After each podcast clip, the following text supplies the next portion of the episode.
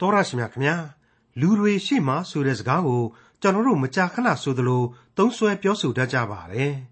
လူတွေရှေ့မှာမျက်နာရပါစေလူတွေရှေ့မှာအရှက်မရပါစေနဲ့လူတွေရှေ့မှာတင်းတောင်တင်းတယ်ဖြစ်ပါစေစသဖြင့်လူတွေရှေ့မှာဆိုတဲ့စကားကဘယ်လိုလူမျိုးတွေရဲ့ရှေ့လို့ဆိုလိုပါသလဲမကောင်းတဲ့သူရောဆိုးတဲ့သူတွေရောပါဝင်ကြတဲ့လူတိုင်းရဲ့ရှေ့လားဒါမှမဟုတ်ဘယ်လိုလူစားမျိုးတွေရဲ့ရှေ့လဲဒီအကြောင်း သိရှိနားလည်ကြရမှာဖြစ်တဲ့ခရိယန်တမန်ကျမ်းဓမ္မဟောင်းကျမ်းပိုင်းတွေကတုတ်တန်ကျမ်းအခန်းကြီး3အခန်းငယ်1ကနေအခန်းငယ်30အထိကိုဒီကနေ့သင်သိရသောတမန်ကျမ်းအစီအစဉ်မှာလေ့လာမှာဖြစ်ပါတယ်။ယေရှုခရစ်တော်ကိုမိမိရဲ့ကယ်တင်ပိုင်ရှင်သခင်ဖရာအဖြစ်ယုံကြည်ကိုးကွယ်ကြတဲ့ခရိယန်တွေထဲမှာကျေးဇာယုံကြည်ကြသူတွေရှိကြပါသလား။ဖရာရှင်အပေါ်ယုံကြည်ခြင်းတရားကိုကုံသွဲခြင်းလိုသဘောထားပြီးအပေးအယူလုပ်တဲ့ ခရိယန်တွေရှိကြပါသလားအဲ့ဒီလိုဂျေဇာခရိယန်တွေယုံကြည်ခြင်းကုန်သွယ်တဲ့ခရိယန်တွေဆိုတာဘယ်လိုခရိယန်မျိုးတွေလဲဆိုတာကိုဖော်ပြထားတဲ့တုတ်တန်ကျမ်းအခန်းကြီး3အခန်းငယ်1ကနေအခန်းငယ်30အထိကိုဒေါက်တာထွန်းမြတ်အေးကအခုလိုလေ့လာတင်ပြရှင်းလင်းมาဖြစ်ပါတယ်လေးစားအပ်ပါသောတောတရှင်မိတ်ဆွေအပေါင်းတို့ခမညာသင်သိရသောတမန်ကျမ်းရဲ့သင်ခန်းစာတွေဟာ လောကလူပုံခရီးမှာရှင်တန်ရသူလူငယ်လူရွယ်တို့ကိုဥတီးပြီးတော့ပညာသတိရှိခြင်းသို့မဟုတ်ဘုရားသခင်ကိုသိကျွမ်းခြင်းတရားသဖြင့်ပြုမှုခြင်းသို့မဟုတ်နှုတ်ကပတ်တော်နှင့်အတူတသွေမတိန်သစ္စာရှိရှိလိုက်လျှောက်ရှင်သန်ခြင်းအမှားနှင့်အမှန်တို့ကိုဝေဖန်ပိုင်းခြား၍စင်ကြင်တုံတရားနှင့်တကွအမှန်ကိုလိုက်လျှောက်ခြင်းစသည်စသည်ဖြင့်ဘုရားသခင်သိစေခြင်းတဲ့လောကဓမ္မတို့နှင့်အတူအပြက်လန်းနဲ့အသက်လန်းလမ်းနှစ်သွယ်ရှိတဲ့အနက်ဘယ်လမ်းသွယ်ကိုရွေးကြမလဲ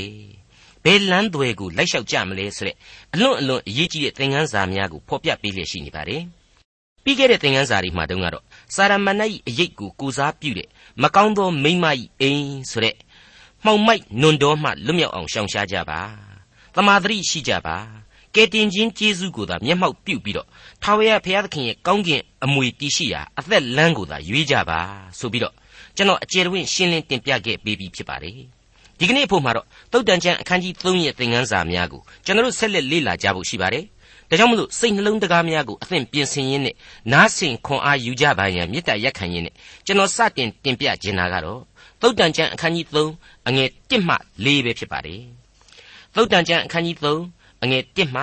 4ငါသာငါပေးသောတရားကိုမမေ့နှင့်ငါပြည့်ညတ်တို့ကိုသင်ဤနှလုံးစောင့်ရှောက်ပါစေ။ အကြောင်းမူကားပြည့်ညတ်တရားသည်အသက်တာရှည်သောကာလနှစ်ပေါင်းများကို၎င်းငြိမ်ဝှက်ခြင်းကို၎င်းတိုးပွားစေလိမ့်မည်ဂယုဏတရားနှင့်သစ္စာတရားကိုသင်နှင့်မကွာစေနှင့်ထိုတရားတို့ကိုသင်၏လေပင်၌ဆွဲထားလော့နှလုံးအင်းစရင်၌ရည်သွင်းလော့ထို့သောပြုလျင်ဖျားသခင်ရှိလူတို့ရှိမှမျက်နှာရ၍ကျေးဇူးကိုခံရလိမ့်မည်ငါသာငါပေးသောတရားကိုမမေ့နှင့်တဲ့ ပြီးတော့ငါရဲ့ပြည့်ညတ်တော်တို့ကိုသင်နှလုံးစောင့်ရှောက်ပါစေဆိုတဲ့အချက်ကိုအငယ်တစ်ကနေစပြီးတော့ခိုင်မာစွာနဲ့အားပေးလိုက်ပါတယ်တိုက်တွန်းပေးလိုက်ပါတယ်ငါသားဆိုတဲ့ဝေါ်ဟာရဟာအမှန်တော့အဲ့ဒီရှေးကာလသမိုင်းရဲ့ဖော်ပြချက်တွေကိုလိုက်ပြီးတော့ရှင်ပြီးတော့ကြည့်လိုက်မယ်ဆိုရင်ဣသရေလလူမျိုးရွေးကောက်တော်မူသောလူမျိုးတော်ကိုအများဆုံးရည်ရွယ်တဲ့စကားရပ်ပါပဲဘယ်လိုပဲဖြစ်ဖြစ်သမိုင်းကြောင်ခေတ်ကာလတို့ကိုကြော်လွှားလိုက်ပြီးတော့ကျွန်တော်ရဲ့မျက်မှောက်ခေတ်ယုံကြည်သူတွေအားလုံးကို အဲ့ဒီငါသားဆိုတဲ့ဝေါ်ဟာရနဲ့ခြုံငုံဆုံးမလိုက်တာပဲဖြစ်တယ်အဲ့ဒီလိုယူရသိမ်မွေ့စွာနဲ့တိုက်တွန်းနှိုးဆော်လိုက်ခြင်းပဲဖြစ်တယ်လို့ကျွန်တော်တို့ခံယူနိုင်ပါတယ်ခံယူနိုင်လောက်အောင်လဲပြေဝစုံလင်သောဩဝါဒတစ်ခုဖြစ်နေတယ်ဆိုတာကိုကျွန်တော်တို့တွေ့ရပါတယ်ငါပေးသောတရားကိုမမေ့ပါနဲ့တဲ့ဘလောက်ကောင်းလဲအဲ့ဒါဟာစိတ်ငနဲ့ရင်တဲကိုတိုးဝင်သွားတဲ့အဆုံးအမမှန်မဲလို့ကျွန်တော်ခံယူပါတယ် တာဝန်တရက်အနေနဲ့ထမ်းဆောင်ကြဆိုပြီးတော့အမိန့်ပေးတတ်တဲ့ပို့ပြီးတော့နှက်ဆိုင်တယ်အနှစ်သာရရှိတယ်အင်အားကောင်းမွန်တယ်လို့ကျွန်တော်ကတော့ပြက်ပြက်သားသားပဲခံယူမိပါတယ်ဒီနေရာမှာတို့ကတော့ခရိယန်တွေဖြစ်လို့ဒီအရာတွေကိုမဖြစ်မနေတာဝန်ယူရမယ်လောက်ကြရမယ်ဆိုတဲ့လှေနံဓာတ်တဲ့သဘောထားမျိုးရှိတာတဲ့ဘုရားသခင်ရဲ့အလိုတော်ကိုမျက်မျက်နှုံနှုံခံယူပြီးလုတ်ကင်ဆောင်ရွက်ရခြင်းဟာသာလျှင်ပို့ပြီးတော့ရသမြောက်တယ်အနှစ်သာရနဲ့ပြည့်စုံတယ်မှန်ကန်မှုရှိတယ်လို့ကျွန်တော်ကတော့တွေးမိပါတယ်အခု ငါပေးသောတရားကိုမမေ့နှင့်ဆရာဟာအဲ့ဒီယသကိုပြေဝစွာဖော်ပြနေတယ်ကျေးဇူးတော်ကိုခံယူခြင်းဂုံယသမြောက်နေတယ်လို့ကျွန်တော်ဆိုချင်ပါတယ်ဆာလံဆရာဒါဝိမင်းကြီးကနေပြီးတော့136ခုမြောက်သောဆာလံအငယ်7မှာအခုလိုဖော်ပြခဲ့ပါတယ်ကိုတော်ကိုမပြစ်မှားဘဲနေနိုင်မည်အကြောင်းဗျာဒိတ်တော်ကိုနှလုံးထဲမှာသို့ထားပါပြီတဲ့အခုရှောလမုန်မင်းကြီးကတော့ငါသားငါပေးသောတရားကိုမမေ့နှင့်တဲ့တခါဆက်လိုက်ပြန်ပါသေးတယ် ငါပြည့်ညတ်တို့ကိုသင်ဤနှလုံးစောင့်ရှောက်ပါစေတဲ့တနည်းအားဖြင့်ကတော့စောင့်ရှောက်နိုင်ပါစေဆိုတဲ့သဘောပါပဲဒီတော့ဖော်ပြပါချက်အကုန်လုံးဟာဒီအတိုင်းကြီးပါပဲတခုတည်းသောဝိညာဉ်ရေးသဘောတရားကိုရှင်းရှင်းလင်းလင်းဖော်ပြနေပါတယ်အိဇရာဆိုတဲ့ပရောဟိတ်လူငယ်တယောက်ရဲ့အကြောင်းကိုနှုတ်ကပတ်တော်ကနေတဆင့်ဖော်ပြခဲ့တာကိုကျွန်တော်ဒီနေရာမှာအထူးသတိရမိပါတယ်အိဇရာမှတ်စာအခန်းကြီး9အငယ်30အရာကျွန်တော်တို့အခုလိုမှတ်တမ်းမှတ်ရနဲ့အခိုင်အမာတွေ့ကြရပြီဖြစ်ပါတယ် အကြောင်းမူကားအိဇရာသည်ထာဝရဘုရား၏တရားတော်ကိုစစ်ဆေးစောင့်ရှောက်ခြင်းဟာ၎င်းစီရင်ထုံးဖွဲ့တော်မူချက်တို့ကိုဣသရေလအမျိုး၌သွန်သင်ခြင်းဟာ၎င်းသဘောကျသောသူဖြစ်၏တဲ့နှလုံးသေးပွတ်၌ပင်လျင်မျက်မျက်နူနူရှိအပ်သောအလိုတော်ယုံကြည်၍ဆွဲလန်းခုံမင်းအပ်သောဘုရားသခင်အလိုတော်ဆရာဟာတာဝန်တစ်ခုကိုမတတ်တာလို့ထမ်းဆောင်ရခြင်းတဲ့ပို့ပြီးတော့အတိတ်ပဲရှိနေပြီဆိုတာကိုကျွန်တော်တို့အထူးဆင်ခြင်အောင်မေ့သတိပြုကြပါစို့ ဒီအပိုင်းကိုရောက်လာတဲ့အခါကျတော့ကယ်တင်ခြင်းကျေးဇူးတော်ကိုပြုခဲ့တဲ့သခင်ခရစ်တော်ကိုတော်တိုင်ဟာအလိုတော်ကိုလိုက်နာခြင်း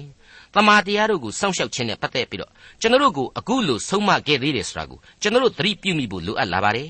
ရှင်ယောဟန်ခရစ်ဝင်ကျမ်းအခန်းကြီး14အငယ်23နဲ့24မှာဖော်ပြထားတဲ့သူ့ရဲ့နှုတ်တော်အတွက်စကားကတော့ထင်ရှားပြတ်သားလွန်းလှပါတယ်ယေရှုကလည်းငါကိုချစ်တော်သူသည်ငါစကားကိုနားထောင်လိမ့်မည်ငါခမည်းတော်သည် ထိုသူကိုချစ်တော်မူ၏ငါတို့သည်လည်းသူ့စီသို့ကြွ၍နေရာချမည်ငါကိုမချစ်သောသူသည်ငါစကားကိုနားမထောင်သင်တို့ကြားသောစကားသည်ငါစကားမဟုတ်ငါကိုစေလွတ်တော်မူသောခမည်းတော်၏စကားတော်ဖြစ်၏ခရစ်တော်မိန့်မှာတော်မူခဲ့တဲ့ဩဝါဒပါမိတ်ဆွေအပေါင်းတို့ခမညာအဖဖျားသခင်ရဲ့စကားတော်ကိုနားထောင်ခြင်းအမိန့်တော်ကိုနားခံခြင်းအလိုတော်ကိုလိုက်လျှောက်ခြင်းဆရာဟာလောကတာဝန်တစ်ခုနဲ့မတူပါဘူးချစ်၍ပြုသောဘို့ ကိုးစားယုံကြည်၍စောင့်ထိတ်အပ်သောအကျင့်တရားပဲဆိုတာဟာရှင်းနေပါလေအဲ့ဒါဟာအဖဖျားပေးသောတရားကိုစောင့်ရှောက်၍အဖဤပြည့်ညတ်တို့ကိုနှလုံးပုံ၍စောင့်ရှောက်ခြင်းပဲလို့ကျွန်တော်ဖွင့်ဆိုပြရစီတနည်းအားဖြင့်မိကွန်းထုတ်ရမယ်ဆိုရင်တော့ကဲတင်ရှင်ကျွန်တော်တို့ကိုချစ်တယ်လို့ကျွန်တော်တို့သူ့ကိုချစ်ကြရဲ့လားသူ့ရဲ့မဟာကျေးဇူးဂရုနာတော်ကိုကျွန်တော်တို့ယဉ်နှင့်အမျှခံစားနိုင်ကြရဲ့လားအဲ့ဒီမိကွန်းဒီကိုထုတ်ရတော့မှာဖြစ်ပါတယ် ကဲတင်ရှင်ကကျွန်တော်တို့ကိုချစ်တယ်လို့ကျွန်တော်တို့သူ့ကိုချစ်ကြတယ်ဆိုရင်သူ့ရဲ့မဟာကျေးဇူးဂရုနာတော်ကိုယဉ်နှင့်အမျှခံစားနိုင်ကြတယ်ဆိုရင်သူ့ရဲ့အမိန့်တော်ကိုနာခံကြရမယ်သူ့အတွက်အမှုတော်ကိုထမ်းရွက်ပေးကြရမယ်သူ့ရဲ့မေတ္တာအလင်းကိုဆောင်ကျင်းနိုင်စွမ်းရှိကြရမယ်ဆိုတဲ့တာဝန်ဝတ္တရားတွေဟာစင်ကဲစင်ကဲထင်ရှားစွာပေါ်ထွန်းလာကြပါတယ်ဒီအပိုင်းကိုအရောက်မှာခရစ်တော်ကိုတကယ်အဓိကရညအရေးကြီးလာတဲ့နောက်ဆုံးသောညတညမှာသုံးချိန်သုံးကညင်းပယ်မိသူ တမန်တော်ကြီးရှင်ပေတရုရဲ့နောင်တသဘောမေတ္တာသဘောကိုကျွန်တော်အထူးသတိရအောင်မိဖို့လိုလှပါတယ်ဂါလိလဲကမ်းခြေတနေရာမှာခရစ်တော်ဟာရှင်ပြန်ထမြောက်ပြီးတဲ့နောက်ကိုထင်ပြပြီးတဲ့နောက်မှာတစ္ဆာပေါက်ကြီးပေတရုကိုပြောခဲ့တဲ့အသံတွေပေတရုကပြန်ပြီးတော့ခရစ်တော်ကိုပြောဆိုခဲ့တဲ့အသံတွေဟာဘယ်လို့မှမမေ့နိုင်လောက်အောင်ရှိနေတယ်လို့ကျွန်တော်ဆိုချင်ပါတယ်ဒီအကြောင်းတွေကိုရှင်ယောဟန်ခရစ်ဝင်ကျမ်းအခန်းကြီး21အငယ်15ကနေ19အတွင်းမှာပြန်ပြီးတော့အလွန်ပြေဖတ်ကြည့်စေခြင်းပါတယ် နန်းနဲ့စာကိုစားကြသည်နောက်ယေရှုကယောနာဤသားရှိမုန်ဤသူတို့သည်ငါ့ကိုချစ်သည်တဲ့သင်သည်သာ၍ချစ်သလောဟုရှိမုန်ပေတရုအားမေးတော်မူလျင်ဟုတ်ပါ၏သခင်ကိုတော်ကိုအကျွန်ုပ်ချစ်သည်ကိုကိုတော်သိတော်မူ၏ဟုလျှောက်တော်ငါဤသိုးတငယ်တို့ကိုကြွေးမွေးလော့ဟုမိန့်တော်မူ၏တပန်ယေရှုကယောနာ၏သားရှိမုန်သင်သည်ငါကိုချစ်သလောဟုဒုတိယအကြိမ်မေးတော်မူလျင်ဟုတ်ပါ၏သခင်ကိုတော်ကိုအကျွန်ုပ်ချစ်သည်ကိုကိုတော်သိတော်မူ၏ဟုလျှောက်တော် ငါဤသိုးတို့ကိုထိန်လောဟုမိန့်တော်မူ၏ယေရှုကလည်းယောနာ၏သားရှိမုန်သင်သည်ငါကိုချစ်သလောဟုတတိယအကြိမ်မေးတော်မူလျင်သင်သည်ငါကိုချစ်သလောဟုသုံးကြိမ်မြောက်အောင်မေးတော်မူသောကြောင့်ပေတရုသည်စိတ်နာသဖြင့်သခင်ကိုတော်သည်ခတ်သိမ်းသောအရာတို့ကိုသိတော်မူ၏ကိုတော်ကိုအကျွန်ုပ်ချစ်သည်ကိုကိုတော်သိတော်မူ၏ဟုလျှောက်တော်ယေရှုကငါဤသိုးတို့ကိုကျွေးမွေးလော့ငါအမှန်အကန်ဆိုသည်ကသင်သည်ပြိုသောအသက်ရှိစဉ် ကိုကိုကိုပတ်စည်း၍အလိုရှိရာအရရသို့သွာလာတတ်၏သင်သည်အိုသောအခါလက်နှစ်ဖက်ကိုဆန့်ပြီးလျှင်သူတစ်ပါးသည်သင်ကိုပတ်စည်း၍သင်အလိုမရှိရာအရသို့ယူသွားလိမ့်မည်ဟုမိန့်တော်မူ၏ထို့သောမိန့်တော်မူသော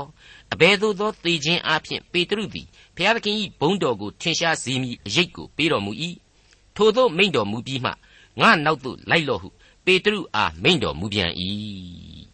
မိတ်ဆွေအပေါင်းတို့ခမညာ ကယ်တင်ရှင်သခင်ခရစ်တော်ကိုချစ်ရင်ခရစ်တော်ရဲ့လောကခရစ်တော်ရဲ့ကဘာကိုချစ်နိုင်ကြရလိမ့်မယ်ပြုစုမဆနိုင်ကြရလိမ့်မယ်ပေးဆက်ခြင်းတွေလည်းရှိကြရလိမ့်မယ်ဆိုတဲ့အချက်တွေးကိုဒီသင်ခန်းစာဟာမိမောင်းထိုးဖော်ပြနေတယ်လို့ကျွန်တော်ဆိုချင်ပါတယ်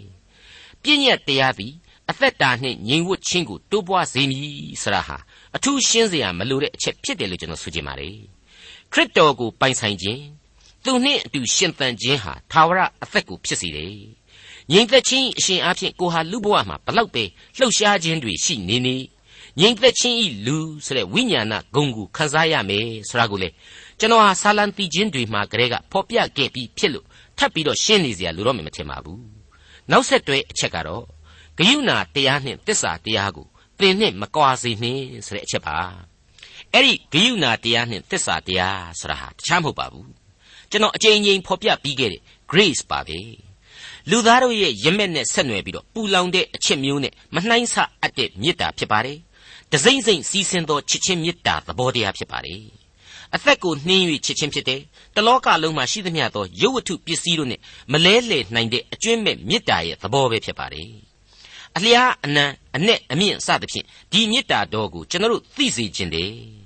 အားလုံးသိကျွမ်းနားလည်နိုင်ကြပါစေသာဆိုပြီးတော့တမန်တော်ကြီးရှင်ပေါလုဆုတောင်းပေးခဲ့ဘူးတာကိုမှတ်မိကြလိမ့်မယ်လို့ထင်ပါတယ်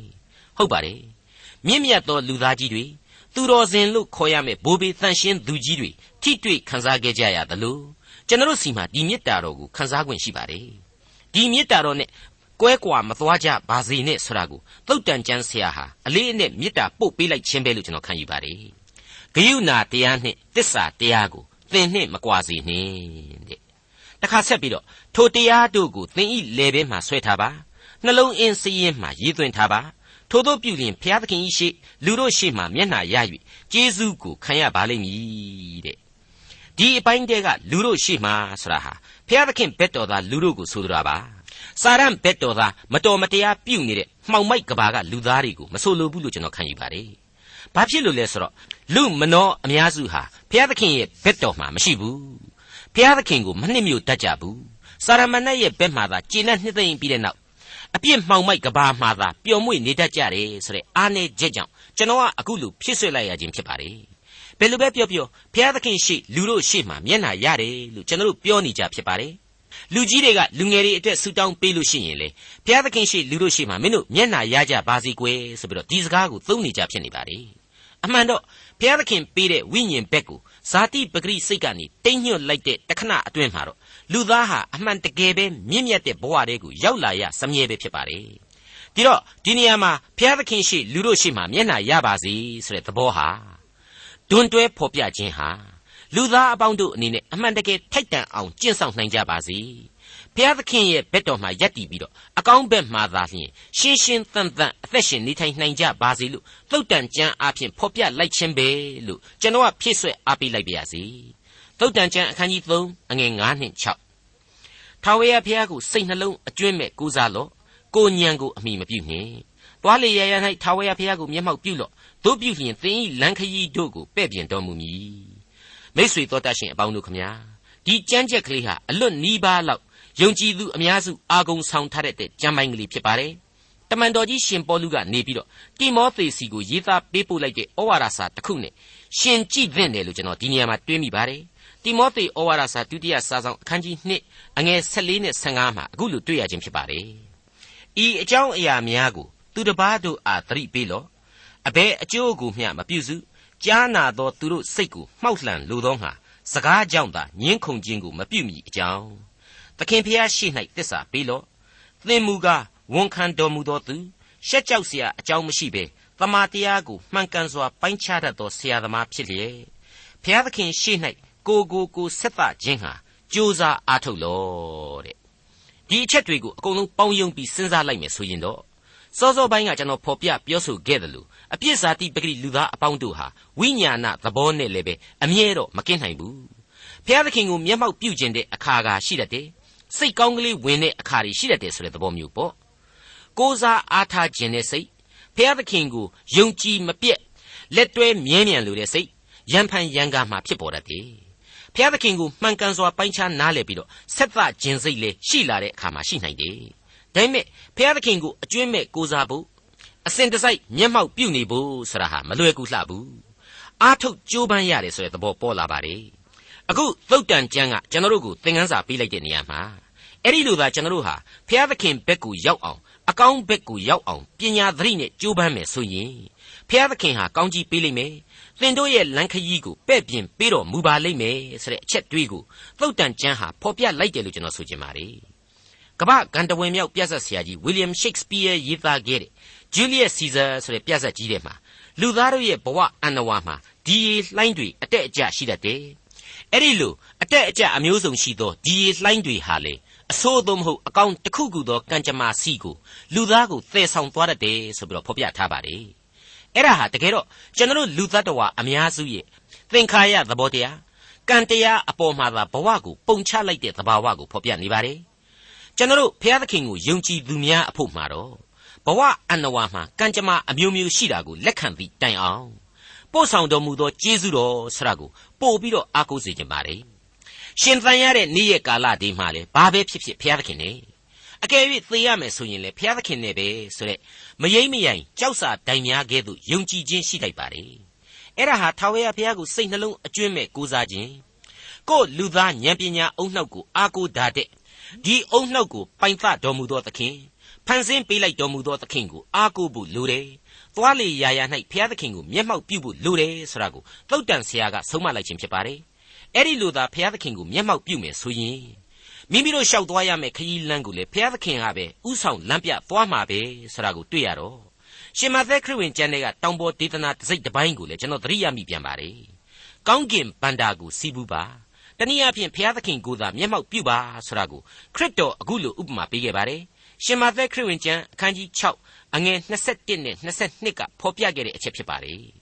ကောင်းကင်ဘုံဘန္တာကိုစီးပူးကြလော့ အကြောင်းမူကားအကျင့်အရ၌သင်တို့၏ဗန္တာရှိ၏ထိုအရသို့သင်တို့၏စိတ်နှလုံးရောက်တတ်၏မျက်စိကစီမီးဖြစ်၏ထို့ကြောင့်မျက်စိကြည်လင်လျင်တကိုယ်လုံးလင်းလိမ့်မည်တဲ့ရှင်းရှင်းကလေးအတိတ်ပဲပြန်ရရင်တော့လောကဘက်ကိုသိပ်ပြီးတော့စိတ်မရောက်နဲ့ဘုရားသခင်ကိုသာမျက်မှောက်ပြုကြဆိုတဲ့အဆုံးအမပဲဖြစ်ပါလေအဲ့ဒီလိုဘုရားသခင်ကိုမျက်မှောက်ပြုခြင်းအပြင်သာလျှင်ဘဝတစ်ခုလုံးအလင်းရောင်ကိုခန်းစားကြရလိမ့်မယ်ဆိုတာဟာအထူးမှတ်သားရမယ့်အချက်ဖြစ်ပါလေ သုတ်တန်ကျမ်းအခန်းကြီး3အငယ်9နဲ့10ငါသည်ပညာရှိ၏ဟု ကိုကိုမထင်နှင့်ထာဝရဘုရားကိုကြောက်ရွံ့၍ဒုစရိုက်ကိုရှောင်လော့တို့ပြုလျင်သင်၏အကျော်တို့သည်အာသံ၍အယိုးတို့သည်ရှင်စီနှင့်ပြည့်စုံကြလိမ့်မည်အလွန်တရာအတိတ်ပဲကျယ်ဝန်းနေဆိုင်တယ်လို့ကျွန်တော်ထင်ပါတယ်ရုပ်ခန္ဓာပိုင်းအထိအကျိုးပြုနိုင်တယ်ဆိုတာကိုဖော်ပြပါတယ်သုတ်တန်ကျမ်းဟာလောကဓမ္မကိုအများကြီးဦးစားပေးထားတဲ့အတွက်ကြောင့်လက်တွေ့ကြတယ်လို့လည်းကျွန်တော်တို့မြင်နိုင်ပါတယ် ကျွန်တော်ပတ်ဝန်းကျင်မှာမကောင်းတာတွေကိုလိုက်စားတဲ့လူတွေမူရစ်ဆေးဝါးတွေကိုမှီဝဲတဲ့လူတွေလောကအသွေးအသားပျော်မွေ့ခြင်းတွေမှာပဲနစ်မြုပ်နေတဲ့လူတွေကိုကျွန်တော်ပြန်ကြည့်ပြီးတော့သင်ခန်းစာယူနိုင်လိမ့်မယ်လို့ကျွန်တော်ထင်ပါတယ်တိမောသေဩဝါဒစာဒုတိယစာဆောင်အခန်းကြီး2အငယ်19အရာလူငယ်ကလေးတိမောသေကိုရှင်ပေါလုမှားကြားခဲ့တဲ့အချက်တစ်ခုရှိပါတယ်သခင်ဖျား၏နာမတော်ကိုဝန်ခံသောသူမြည်သည်ကမတရားသောအမှုကိုရှောင်ရမည်ဟု၍၎င်း တစိ့ခတ်လျက်ရှိသောဘုရားသခင်၏တိုက်မြစ်သည်ခိုင်ကန့်၍တည်၏ဆိုပြီးတော့ဖော်ပြထားခြင်းဖြစ်ပါတယ်ဒီဟာတနည်းဆိုရမယ်ဆိုရင်တော့ဘုရားသခင်၏စကားကိုနားထောင်နှုတ်ကပတ်တော်ပြည့်ညတ်တော်များရဲ့လမ်းပြခြင်းကိုခံယူအဲ့ဒါဆိုရင်မိမိတို့ရဲ့ရှင်သန်ရာဘဝအသက်တာမှာလေရုပ်ပိုင်းဆိုင်ရာကြမ်းမာကြန့်ခိုင်ဖွံ့ဖြိုးနိုင်ဖို့ရန်အတွက်အကျိုးကျေးဇူးရှိလိမ့်မယ်ဆိုတာကိုဖော်ပြလိုက်တာပါ136ခုမြောက်သောဆာလံတို့ကကျွန်တော်တို့ကြားခဲ့ရတာရှိပါတယ်လူပြိုသည် မိမိသွားသောလမ်းကိုအဘယ်သို့သန့်ရှင်းစေနိုင်ပါမည်နည်းဟုမူကားနှုတ်ကပတ်တော်အတိုင်းသတိပြုရမည်တဲ့ရှင်းလင်းပြသနေတယ်မဟုတ်ဘူးလား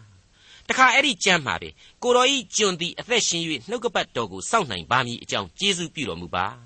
တရားတော်၌အံ့ဘွယ်သောအရာတို့ကိုမြင်နိုင်ပါမည်အကြောင်းကျွန်ုပ်ဤမျက်စိတို့ကိုဖွင့်တော်မူပါတဲ့ဒါတွေဟာရုပ်ပိုင်းဆိုင်ရာဘဝအတွက်ပါနှုတ်ကပတ်တော်ဟာလိုအပ်တယ် ဘုရားသခင်စီကခွန်အားကိုတောင်းခံရတယ်ဆိုတဲ့သဘောတရားကိုညွှန်ပြလျက်ရှိနေပါလေမိษွေတော်တတ်ရှင်အပေါင်းတို့ခမညာအခုလိုဘုရားသခင်ဟာခန္ဓာကိုယ်ကျမ်းမာဖို့အတွက်လေကျေးဇူးပြုတယ်ဆိုတော့ဘုရားသခင်ကိုအားကိုးတယ်ကျမ်းမာခြင်းနဲ့ပြည့်စုံတယ်ဒီတော့မင်းကပြောအားရှိတာပေါ့ငါတို့ကတော့ဘုရားသခင်ကိုသာယုံကြည်အားကိုးနေရတယ်တခါမှမကြမ်းမာပါဘူးဆိုတဲ့ကျွန်တော်အမျိုးတွေကပန်းနာတဲ့ခရိယန်တယောက်အကြောင်းကိုကျွန်တော်သွားပြီးသတိရမိပါတယ် တတစ်နှစ်တစ်နှစ်မှာ12လလောက်ယဉ်ကျက်နေရတဲ့ဒုက္ခမြာမှာဘုရားသခင်ကိုတကယ်ယုံကြည်အားကိုးတာညင်းလို့မရနိုင်တယ်လို့တကယ်လဲကြမ်းပါတယ်ဆိုတာတခါမှမရှိလာပါဘူးသူအဲ့ဒီလိုပြောတော့ကျွန်တော်မှရုတ်တရက်ပြန်လဲမဖြေနိုင်သူ့အတွက်လဲစိတ်မကောင်းခြင်းကြီးစွာဖြစ်ရပြီးတော့ခမရအလိုတော်ကိုဝန်ခံပြီးဆူတောင်းကြည့်ဗျာကျွန်တော်လဲခမရအတွက်ဆူတောင်းပေးနေမယ်စိတ်တော့လုံးဝမလျှော့လေနဲ့ယုံကြည်ခြင်းလဲအရှင်းမလျော့စေနဲ့ဗျာဆိုပြီးတော့ကျွန်တော်ပြန်ပြီးအားပေးခဲ့ရပါတယ်အဲ့ဒီလိုနဲ့ တစ်နှစ်ကြော်ကြော်လောက်ကြာတဲ့အခါမှာတော့အဲ့ဒီပန်းနာတဲ့ဆွေမျိုးစီကစလာပါတယ်ခြာတဲ့ရေတဲ့ရင်ကတော့ငါမှထုံးစံအတိုင်းကြက်နေတာပဲကွာတဲ့ဒါပေမဲ့မနေ့တိုင်းအင်္ဂပြင်းထွက်ပြီးတော့နေအောင်ချီကလေးကိုခံယူတယ်နန်းနဲ့လေပြေကလေးကိုရှူပြီးတော့ဘုရားသခင်ရဲ့ကျေးဇူးတော်ကိုချီးမွမ်းရင်းနဲ့ရှင်သန်သမျှဘာကောင်းမှုကိုပြုရမလဲဆိုပြီးတော့ငါဟာစဉ်းစားနေမိတယ်အဲ့ဒီလိုနဲ့ပဲရွာတွေကဆင်းရဲသားမိသားစုကြီးနှစ်စုကို ငါရဲ့ခြံကြီးမှာပေးပြီးတော့အလုတ်လုတ်စေတဲ့အတွက်ကြောင့်အဲ့ဒီမိသားစုတွေဟာလည်းချမ်းသာကြွယ်ဝလာကြတယ်ညညဆိုရင်လေသူတို့နဲ့အတူစုဝေးပြီးတော့ဘုရားသခင်အကြောင်းကိုသူတို့တွေနဲ့ဆွေးနွေးတိုင်ပင်ရင်းနဲ့အမှုတော်ကိုလည်းထမ်းဆောင်နေနိုင်တယ်လူကသိပ်ပြီးတော့ကြမ်းမာလှတယ်မဟုတ်ပြီမြစိတ်ဝိညာဉ်ခွန်အားတွေအလိုအလျောက်တိုးပွားများပြားလာတာကိုငါထိတွေ့ခံစားရတယ် ငါအနေနဲ့ရွာအသင်းတော်အနေနဲ့လေနောက်နှစ်နယ်စည်းဝေးကြီးကိုလက်ခံနိုင်စေဖို့ရန်အတွက်ငါကိုယ်တိုင်ရှိသမျှပုံအောပြီးတော့တာဝန်ယူဖို့ဆုံးဖြတ်ထားတယ်ဒါကြောင့်မလို့အဲ့ဒီစီဝေးကြီးကြတဲ့အချိန်ကြရင်လေမင်းကိုယ်တိုင်လာခဲ့ပါကွာဆိုပြီးတော့ကျွန်တော်ကိုဖိတ်ခေါ်တာကိုကျွန်တော်တွေ့ရပါတယ်မိတ်ဆွေအပေါင်းတို့ခမညာနှုတ်ကပတ်တော်ရဲ့သစ္စာတရားတွေဟာဝိညာဉ်ရေးစိတ်ဓာတ်နဲ့ခံယူလေလေပို့ပြီးတော့မှန်ကန်သောအဖြေကိုရရှိလေလေပဲလို့ကျွန်တော်ဆိုချင်ပါတယ်ဘုရားသခင်ရဲ့နှုတ်ကပတ်တော်အပေါင်းတို့ကို လူရဲ့ဇာတိပဂိခန်းစားချက်နဲ့သာတိုင်းဆလက်ခံမယ်ဆိုရင်တော့အတိတ်ဘယ်ဟာကိုတန်တဲ့ဘက်ကိုသာဆွဲယူရောက်ရှိသွားပြီးတော့ချွတ်ချော်သွားနိုင်တယ်လို့ကျွန်တော်ထင်ပါတယ်ကျွန်တော်အကြိမ်ကြိမ်ပြောခဲ့တယ်လို့ပေါ့ဘုရားသခင်ရဲ့ဆုံးမဩဝါဒတွေနှုတ်ကပတ်တော်တွေမှာကျွန်တော်နားမလည်နိုင်တာတွေအမြောက်အများရှိနိုင်ပါလေဒါပေမဲ့အတိတ်ပဲမရှိဘူးဝိညာဉ်ခွန်အားမပါဝင်ဘူးဆိုတာတော့တခုမှမရှိပါဘူး အခုနကဘုရားသခင်ကိုကြောက်ပြီးတော့ဒုစရိုက်ကိုရှောင်ပေးမယ်မကြမ်းမမာသောလူအကြောင်းကိုပြောနေရင်းမှာပဲပို့ပြီးတော့အတိတ်ပဲကျေဝန်းအောင်လို့နောက်ထပ်အချက်တချို့ကိုသုတ်တန်ဆရာဟာဆက်လက်ဖော်ပြပေးလိုက်ပါတယ်အဲ့ဒါကတော့ရုပ်ပိုင်းဆိုင်ရာကောင်းကြီးမင်္ဂလာရဲ့အကြောင်းဆိုပြီးတော့ခေါင်းစဉ်တက်ရတော့မှာဖြစ်ပါတယ်သုတ်တန်ကျမ်းအခန်းကြီး3အငယ်9နဲ့10သင်သည်ကိုဥစ္စာနှင့်အဦးသီးသောအသီးအနှံရှိသမျှတို့ကိုထာဝရဘုရားအားပူဇော်လော့ တို့ပြုလျင်သင်၏စပကြီးတို့သည်ကျွယ်ဝ၍စပြစ်သီးနေရာတစားတို့ကိုအသစ်သောစပြည့်ရရှံလိမ့်မည်တဲ့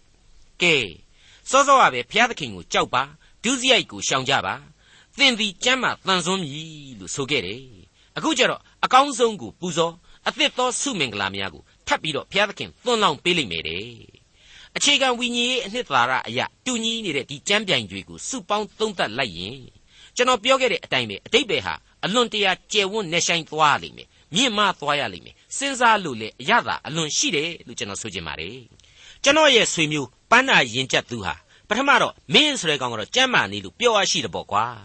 ငါမှာကတော့ရှူရှဲရှူရှဲနဲ့ရင်ကျက်နေရတော့ဒီကျမ်းစာကိုဖတ်ပြီးတော့တမျိုးကြီးပဲလို့ဆိုခဲ့ရာကနေပြီးတော့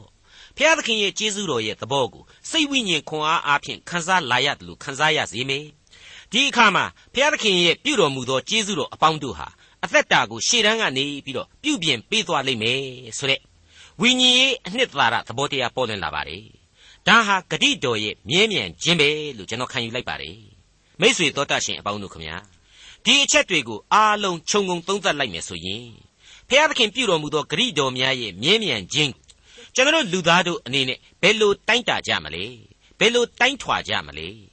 ဒီဂရိတော်များအပေါ်မှာဘယ်လိုခံယူချက်နဲ့ကိုယ့်အသက်တာကိုရှင်သန်သွားကြမလဲဆိုတာကိုကျွန်တော်မေးချင်ပါတယ်အဲ့ဒီအထက်ကအဓိကပေါ်ထွက်လာတဲ့မေခွန်းတွေကတော့တိအယိုးတို့ကိုချင်းစီနဲ့ပြည့်စုံစေပြီးတော့အကျော်တို့ကိုသံမာစေမယ်ဆိုလို့ဖျားသခင်ကိုယုံကြည်ကြတာလားကြောက်ရွံ့ကိုးကွယ်ကြတာလားနှစ်ကိုယ့်ရဲ့စပကြီးတွေမှာစပားတွေနဲ့ပြည့်ပြီးတော့စပြစ်သီးနေရတစားကစပြစ်ရည်တွေဟာအရှံပဲစီးဆင်းအောင်လို့မိမိတို့မှာအူးသီးသောအသီးကို လှူကြတာလားအဲ့ဒီလိုသာဆိုရင်တော့ကျွန်တော်တို့ဟာကြေးစားယုံကြည်သူတွေဖြစ်ကုန်ကြရလိမ့်မယ်ယုံကြည်ခြင်းတရားကိုကုံသွဲခြင်းလို့သဘောထားပြီးတော့ယုံကြည်ခြင်းသာလျှင်ဖြစ်ကုန်ကြရလိမ့်မယ်ရှေးမဆွာကပင်တည်တော်မူတဲ့အံ့ဩပွေသောကျေးဇူးတော်နဲ့ဂယုနာတော်ကိုနားလေရှင်သန်ရာအသက်တာနေ့ရက်တို့အတွက်ကျေးဇူးတရားကိုနားလေပြီးတော့ဖျားသခင်ကိုကိုးကွယ်ခြင်းအလိုတော်ကိုလိုက်နာခြင်းတမာတရားလမ်းကိုရှောက်သွားခြင်းသာပြုနိုင်ကြမယ်ဆိုရင်တော့ ဒီယုံကြည်ခြင်းဟာတန်ရှင်းစင်ကြယ်တဲ့ယုံကြည်ခြင်းစစ်မှန်သောယုံကြည်ခြင်းအလိုတော်နဲ့ညီညွတ်သောယုံကြည်ခြင်းဖြစ်လိမ့်မယ်လို့ကျွန်တော်တင်ပြခြင်းပါတယ်ဒီယုံကြည်ခြင်းသာလျှင်ဘုရားသခင်ရဲ့ဘုန်းတော်နဲ့ကိုက်ညီမှုရှိတယ်လို့လည်းတင်ပြခြင်းပါတယ်ဂတိတော်တို့ရဲ့ပြည့်စုံခြင်းကိုလည်းအံ့ဩပွေထိတွေ့ခန်းစားနားလည်လာရစေလိမ့်မယ်လို့ကျွန်တော်တင်ပြလိုက်ပါတယ်ငါသာငါပေးသောတရားကိုမမေ့နှင့်ငါပြည့်ညတ်တို့ကိုသင်ဤနှလုံးစောင့်ရှောက်ပါစေ